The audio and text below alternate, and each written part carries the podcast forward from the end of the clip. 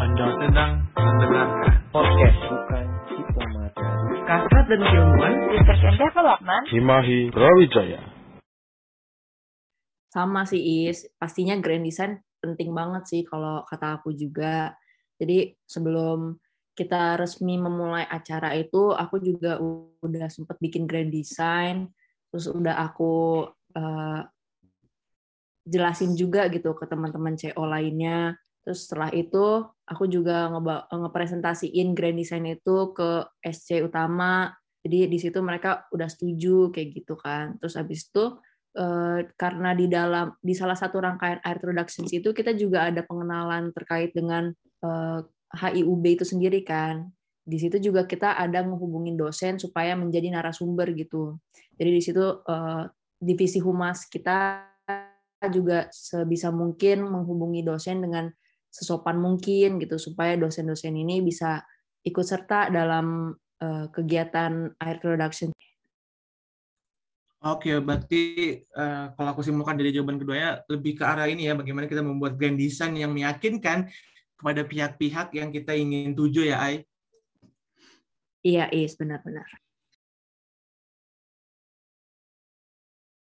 Oke, mungkin aku lanjut. eh, tadi kan sempat bilang tuh bagaimana kita mengemas. Nah, di air production kan termasuk eh, rangkaian yang banyak ya rangkaiannya ada ber- berbagai macam rangkaian. Nah, dari area sendiri ada nggak sih caranya biar tetap menjaga eh, istilahnya rangkaian dari rangkaian satu ke rangkaian berikutnya tetap seru, tetap fun, tetap sesuai target eh, kepada atau tetap bisa eh, menarik audiens yang tetap banyak nih eh, kepada mahasiswa-mahasiswa HI angkatan 2021.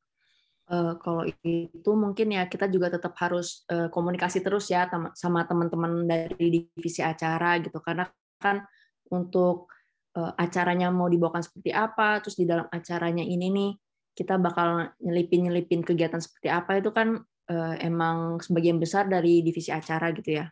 Terus itu juga eh, kita juga harus ini sih eh, banyak-banyakin apa latihan gitu kayak gladi habis itu rapat besar juga penting supaya di hari H itu acaranya bisa mateng. Terus juga kalau misal untuk menarik duta muda duta muda itu ya seperti yang aku bilang sebelumnya dari fasilitator gimana pembawaan fasilitator ini di dalam bond- eh, bonding dan sharing supaya duta muda duta muda ini bisa tertarik mengikuti rangkaian air productions gitu sih is.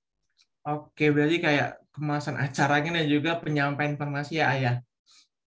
iya benar-benar Eh, kalau misalkan kayak istilahnya kan kalau air itu aku lihat games itu kan setiap rangkaian beda-beda itu bisa dibilang ngebantu nggak untuk tetap mem- membuat acaranya tetap seru.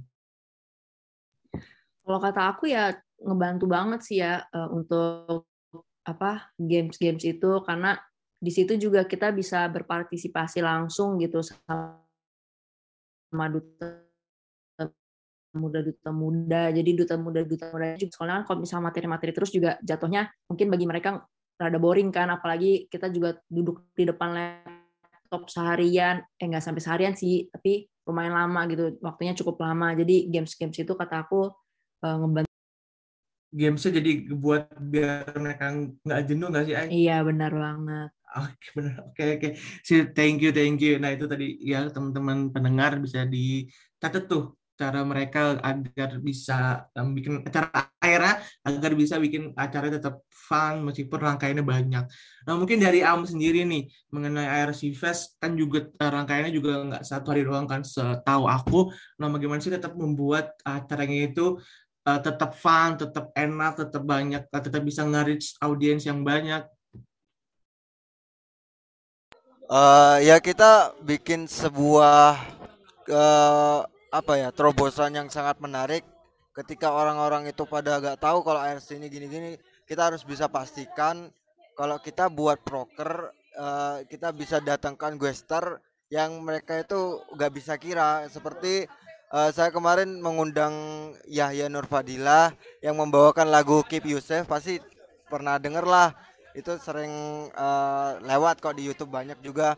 Eh, sehingga eh apa ya banyak yang mau datang gitulah ke acara RC kalau lihat wah ada Yahya ini pasti bakal nyanyi Keep Yourself nah uh, maka dari itu kami langsung uh, menampilkan ya ya dengan lagu Keep Yourself-nya sehingga para orang-orang uh, yang di Zoom partisipan yang di Zoom itu bisa uh, apa ya kayak terbawa suasana dalam konser meskipun online korban virtual sih seperti gitu Rais.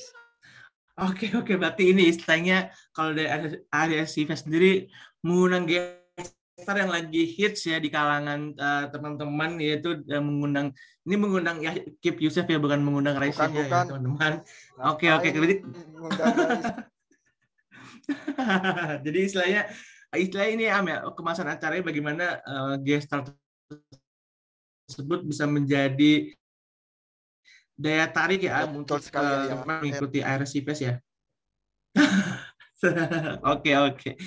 Nah, tadi kita sudah berbicara nih mengenai uh, cara Aira dan Naam tetap membuat rangkaian Airtro dan juga rangkaian IRC tetap asik, tetap fun, tetap bisa istilahnya menjangkau audiens yang banyak gitu. Nah, tadi kan juga aku dibilang bahwa sebenarnya rangkaian uh, Airtro dan IRC kan rangkaiannya panjang.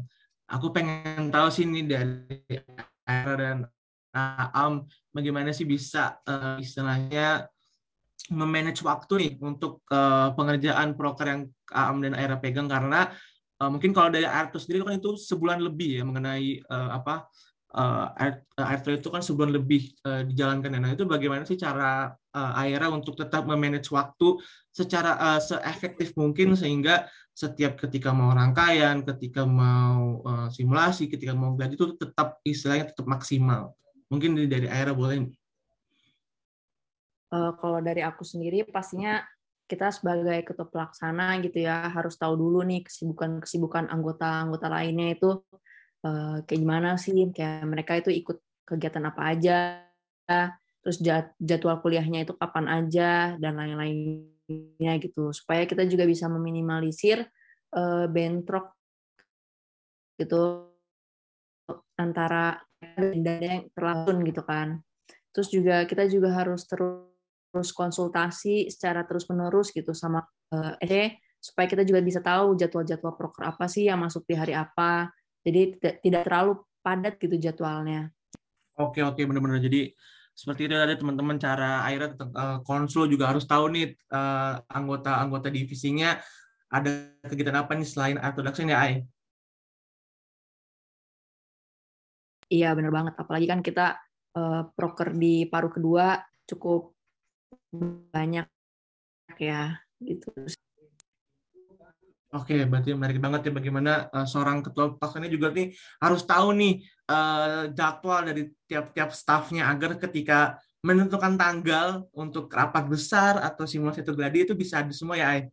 Iya benar banget Is. Cuman kan kalau misalkan emang ada kegiatan mendadak kita juga nggak bisa gimana-gimana kan. Jadi benar-benar sebisa mungkin tetap harus ngikutin SOP yang sebelumnya udah kita Oke, berarti di situ lah ya fungsi SOP jika mungkin teman-teman ada yang kendala untuk hadir bisa nih ikutin SOP-nya ya. Oke, oke. Nah, itu dari sisi Aira nih, jadi Aira bilang kalau dia uh, istilahnya membuat jadwal yang bisa sefleksibel mungkin bagi para anggota dan jika anggota tidak bisa hadir bisa mengikuti SOP-nya. Nah, mungkin kalau dari Aam bagaimana sih bisa uh, memanage waktu uh, terhadap rangkaian proker Aam mungkin dari rapat besar dan juga juga hari biar uh, istilahnya semua anggota bisa berpartisipasi anggota kepanitiaan IRC Fans? Uh, kalau dari saya mungkin langkah pertama yaitu melihat dari uh, di grup lingkar kapal uh, di situ ada timeline tiap per proker di MyUB. Jadi saya bisa menentukan uh, misalnya saya tanggal 25 ini bakalan ada roadshow IRC atau gladi bersih IRC Fest. Terus kita lihat dulu di tanggal 25 itu ada pro, acara, acara proker yang lain lagi mengisi tanggal itu apa enggak? Kalau enggak ada ya udah kami isi. Lalu selanjutnya kami uh, nanya nanyakan kepada uh, para panitia apakah berkenan kalau tanggal 25 itu uh, diadakannya gladi bersih. Kalau ada yang bisa tapi bilang dia beli pas ya saya silahkan soalnya kan nggak bisa memaksakan gitu Rais. Jadi uh, mungkin pada saat itu aku ada crash juga atau enggak sih bukan dibilang crash cuman kak aku sama Aira Air Production sama Air Sifas ini lagi ngadain gadi bersih sama gadi kotor. Yang mana uh, akhirnya si Aira bilang gini Am aku mau pakai uh, jam 8 ke atas. Kamu ARC tanggal uh, jam anu kan habis maghrib. Ya ya udah. Aku uh, sebisa mungkin memanage waktu, mempersempit waktu, ya tapi tertata dengan rapi bagaimana uh, acara gadi kotornya ARC ini bisa selesai dengan mudah. Ya, yang selanjutnya akan uh, dilanjutkan oleh gadi bersihnya air karena ini pertama saya juga ikut dalam kepanitiaan air, air production 2021 Ah iya bener banget. Jadi uh, kalau misalkan uh, informasi tambahan, jadi di Himai UB itu setiap uh, ketua pelataran uh, timeline dari proker Himai UB. Nah biasanya ketika ada jadwal uh, untuk uh, gladi, simulasi dan segala macam, kita pasti langsung komunikasi di grup tersebut biar istilahnya uh, meminimalisir bentrok nih antara proker satu dengan proker lainnya. Tadi seperti A bilang uh, di hari yang sama Aetro ada gladi juga, ASC juga ada ada gladi. Nah, saudara dari A dimulai dari jam 8, ya kan ya? Betul sekali. Oke, betul. Jadi bagaimana sih kita tetap ya istilahnya sebagai ketua pesannya kita bisa uh, mengkoordinir mengkoordinir nih agar proker yang kita pegang tetap bisa berjalan uh, meskipun Eh, teman-teman uh, lain juga memegang proker yang tetap uh, istilahnya tetap uh, rumit dan kompleks juga.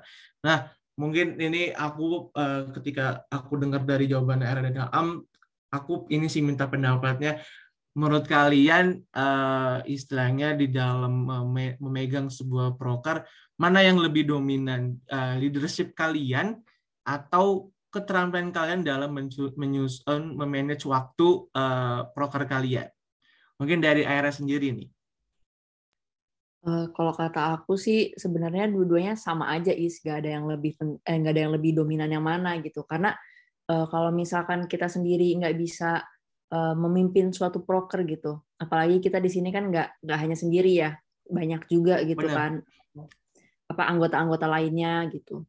Jadi uh, kita tuh harus bisa memimpin dengan benar juga gitu. Supaya yang lainnya nggak nggak ngerasa gimana gimana saat kita memimpin proker itu terus juga kalau misalnya kita nggak bisa ngasih arahan yang tepat kan saat ada masalah gitu pastinya yang lainnya juga bakal ikutan panik atau ngerasa kebingungan gitu sih terus juga kalau mengingat nih kalau di sini kita tuh memimpin proker bukan berarti kita harus otoriter juga kan kita juga nggak boleh jalan sendiri gitu di depan tentunya kita juga harus eh, memperhatikan kebutuhan kebutuhan tiap anggota supaya Eh, lingkungan kerjanya ini bisa berjalan dengan baik. Jadi di situ kita eh, dibutuhkan leadership.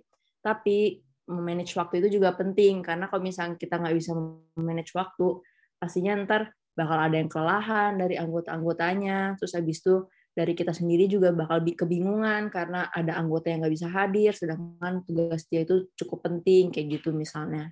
Jadi kata aku kedua-duanya nggak bisa dibilang lebih dominan yang mana gitu sih is. Oke, berarti leadership pun penting, cuman kemampuan memanage waktu juga penting ya, Ai. Bener banget, Is. Berarti Aira ini termasuk leadership dengan uh, istilahnya fleksibel kah? Jadi maksudnya uh, berbagai macam masukan Aira terima atau uh, apa yang apa yang Aira mau itu harus tetap ada? Uh, kalau itu ya kita tetap harus membuka diri lah kepada semua kritikan ataupun evaluasi gitu. Kan kita juga nggak mungkin serba bisa, serba tahu gitu ya. Kalau misalkan kita nggak dapet kritik ataupun evaluasi, kita nggak tahu kurangnya kita di mana. Jadi nggak bakal uh, berkembang gitu ke depannya. Jadi bakal kayak gitu-gitu aja terus. Makanya kalau aku sendiri sih terbuka terhadap kritikan dan juga evaluasi. Oke, benar-benar setuju. Aku setuju banget bagaimana uh, meskipun kita mempunyai uh, jabatan yang lebih tinggi itu bukan berarti kita harus menutup diri dari sebagai berbagai macam saran kritikan dari anggota kita tapi bagaimana kebesaran seorang leadership seorang leader bisa menerima kritikan dan saran dari berbagai macam uh, arah yang diberikan ya Ai? Iya Is Oke, nah mungkin dari Aam sendiri nih aku kembali bertanya lebih dominan mana enggak menurut Aam jiwa leadership yang Aam punya atau keliahan kekeliahan atau keterampilan untuk memanage waktu agar uh, proker yang Aam pegang tetap berjalan sebagaimana mestinya. Oke, kalau menurutku uh, lebih berkesinambungan sih dalam maksud kalau saya lebih memilih leadership duluan uh, yang mana kita harus jadi pemimpin yang tegas lalu yang bisa diandalkan. Dan juga kita sebagai leadership yang punya jiwa kepemimpinan yang tinggi harus bisa uh, bagaimana mengelola uh, waktu atau memanage waktu yang apa ya yang sangat konkret buat kita gitu is. Jadi uh, kayak gitulah menurut saya. Oke benar-benar. Jadi tetap ini istilahnya uh, jiwa leadership dan kemampuan memanage waktu itu istilahnya nggak bisa dipisahkan ya Am ya. Betul, tapi kamu sama dia bisa dipisahkan kok. Aduh, aduh, kenapa arah ya ke sana? Enggak. Oke oke. Nah aku sebenarnya ini sih eh, lebih karena kan tadi aku dengar dari jawaban Aira dan Naam eh, banyak sekali eh, ilmu-ilmu yang bisa aku dapat dan juga aku bisa membayangkan bagaimana kehektikan kalian untuk memegang proker Artro dan juga ARCFS. Mungkin aku pengen ini sih sedikit pengen tahu aja sih ada nggak sih kayak momen ya, yang nggak bakal kalian lupakan nih setelah acara atau proker kalian tuh selesai. Mungkin dari Aam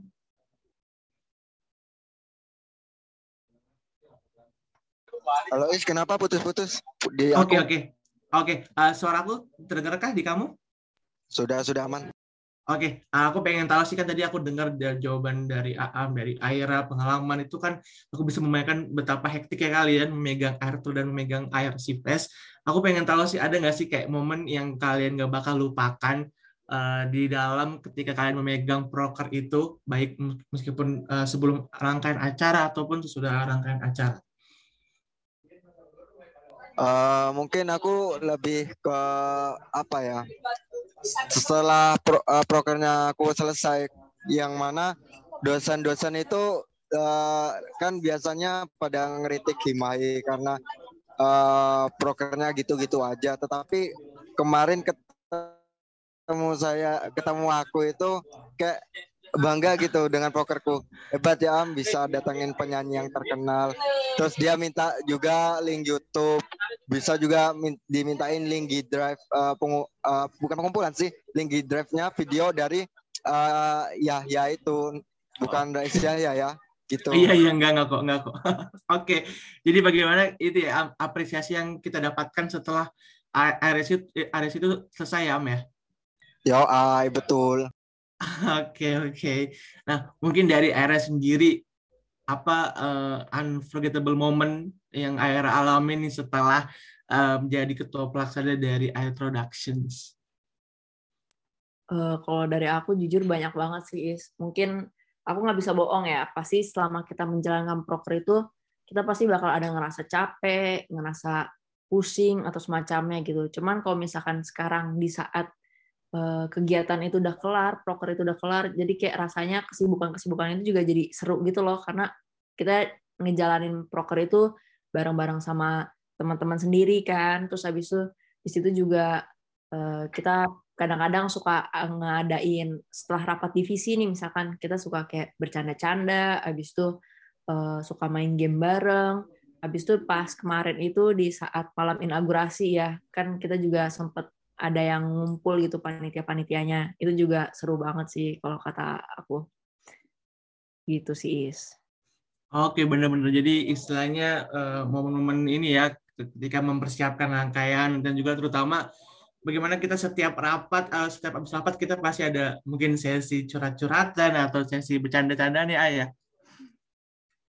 iya is benar-benar benar iya itu benar banget apalagi juga uh, kemarin waktu malam inaugurasi juga aku juga sempat uh, apa bareng sama Era kita uh, satu tempat gitu nge dengan panitia-panitia lain. Memang aku juga sama sih ngalamin kerasanya kalau asik kayak ikut panitia itu ya ketika kita sehabis rapat, sehabis gadis, sehabis itu kita bisa cerita, bisa bercanda dan juga apalagi kalau kita ketemu langsung. Nah, mungkin berhubung karena pandemi ya mungkin ketemunya mungkin dalam beberapa kesempatan saja ya. Oke, nah ini aku pengen tahu sih ketika teman-teman memegang sebuah broker yang uh, banyak anggotanya mungkin lagi uh, termasuk kendaraan uh, ngebondingin anggota karena tadi aku sempat uh, menarik dari jawaban Era dan Am bagaimana uh, bisa tahu juga progres masing-masing divisi juga hadir dalam rapat uh, masing-masing divisi. Nah, dari kalian nih uh, apa ya istilahnya mungkin ini butuh dibutuhkan untuk para pendengar podcast bukan diplomat yang sedang pegang proker atau ke depannya akan megang proker, bagaimana sih cara kalian, tips kalian untuk bisa ngebondingin anggota kalian mengingat tadi itu pandemi kita terpisah oleh jarak dan waktu, ya kan? Nah, mungkin ada nggak cara kalian untuk uh, istilahnya ngebondingin biar uh, teman-teman panitia itu bisa istilahnya solid lah dan bisa bergerak sesuai arahan dari Aira dan Aam. Mungkin dari Aira sendiri boleh nih.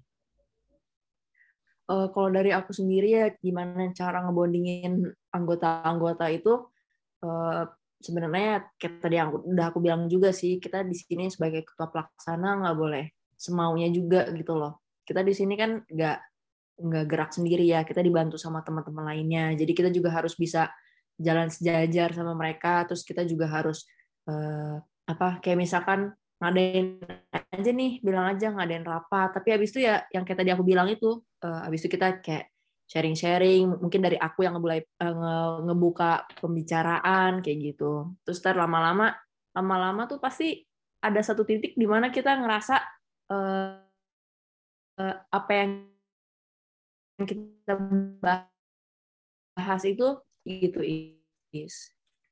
Oke berarti waktu-waktu apa istilah waktu selang panitia lah ya dipakai untuk ngobrol, dipakai untuk uh, istilahnya bercanda-canda. Jadi kita makin lama semakin iya, dekat benar, ya. Oke oke menarik banget menarik banget.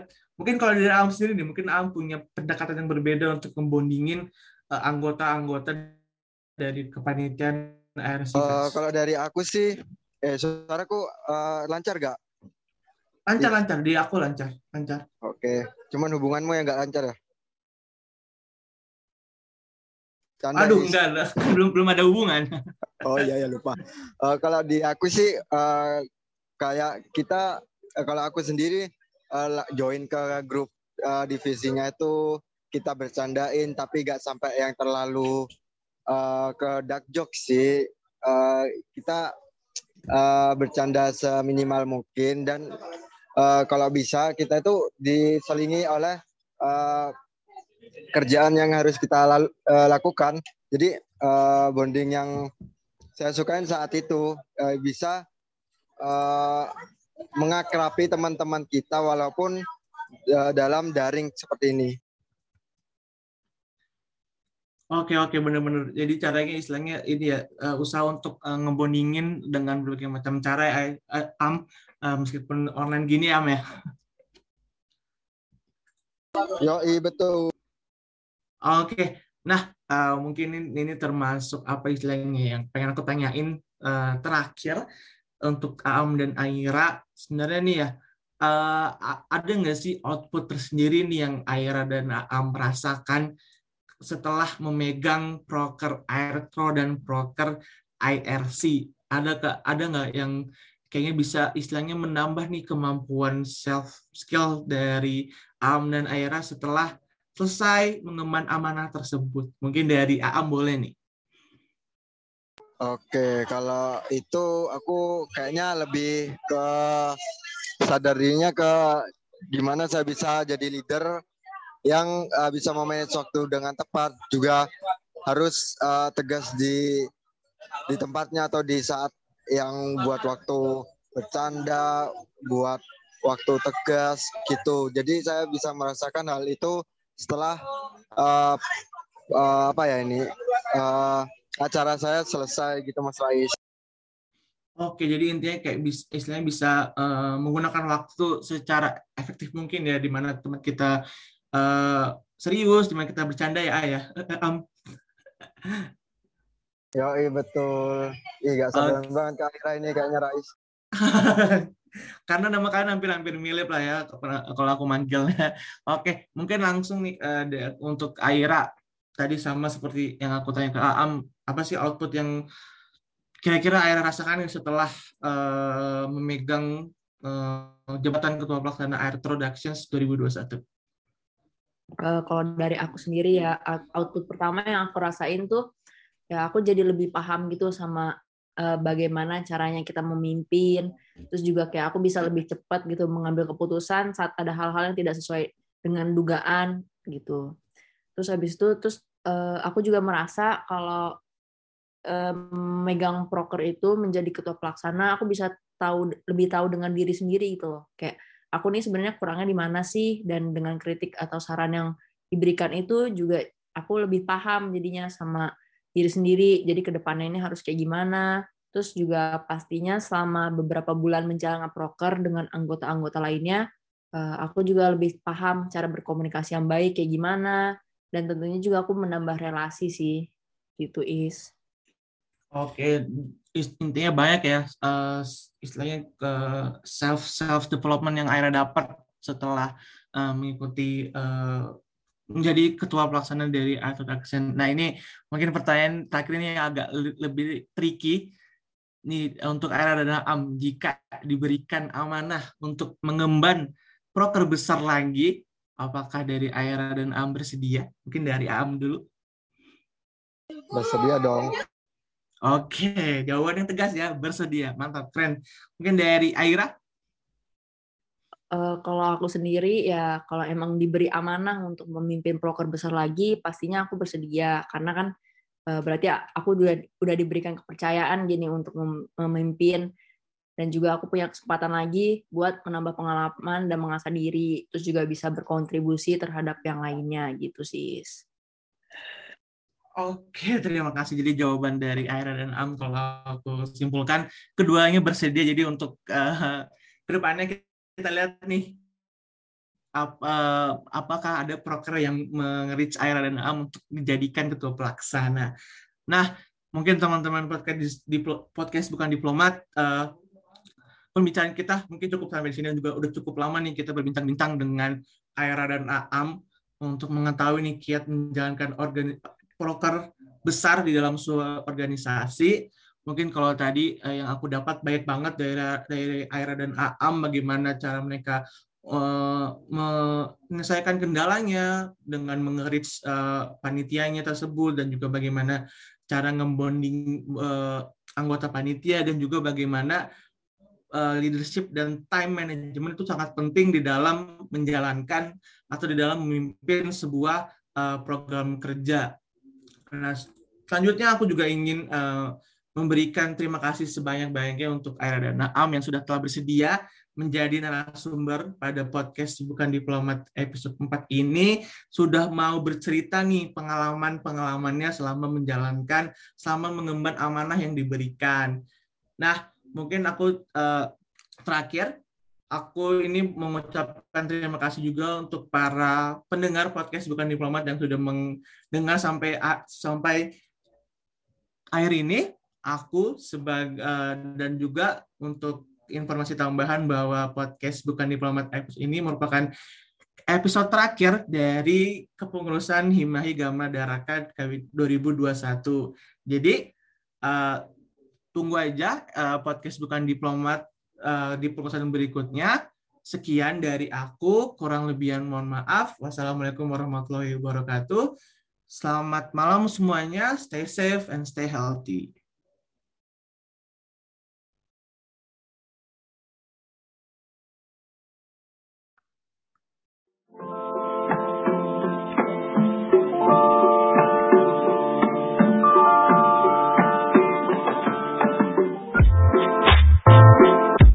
Ini Anda sedang mendengarkan podcast. Bukan diplomat kasat dan ilmuwan research and development. Himahi Brawijaya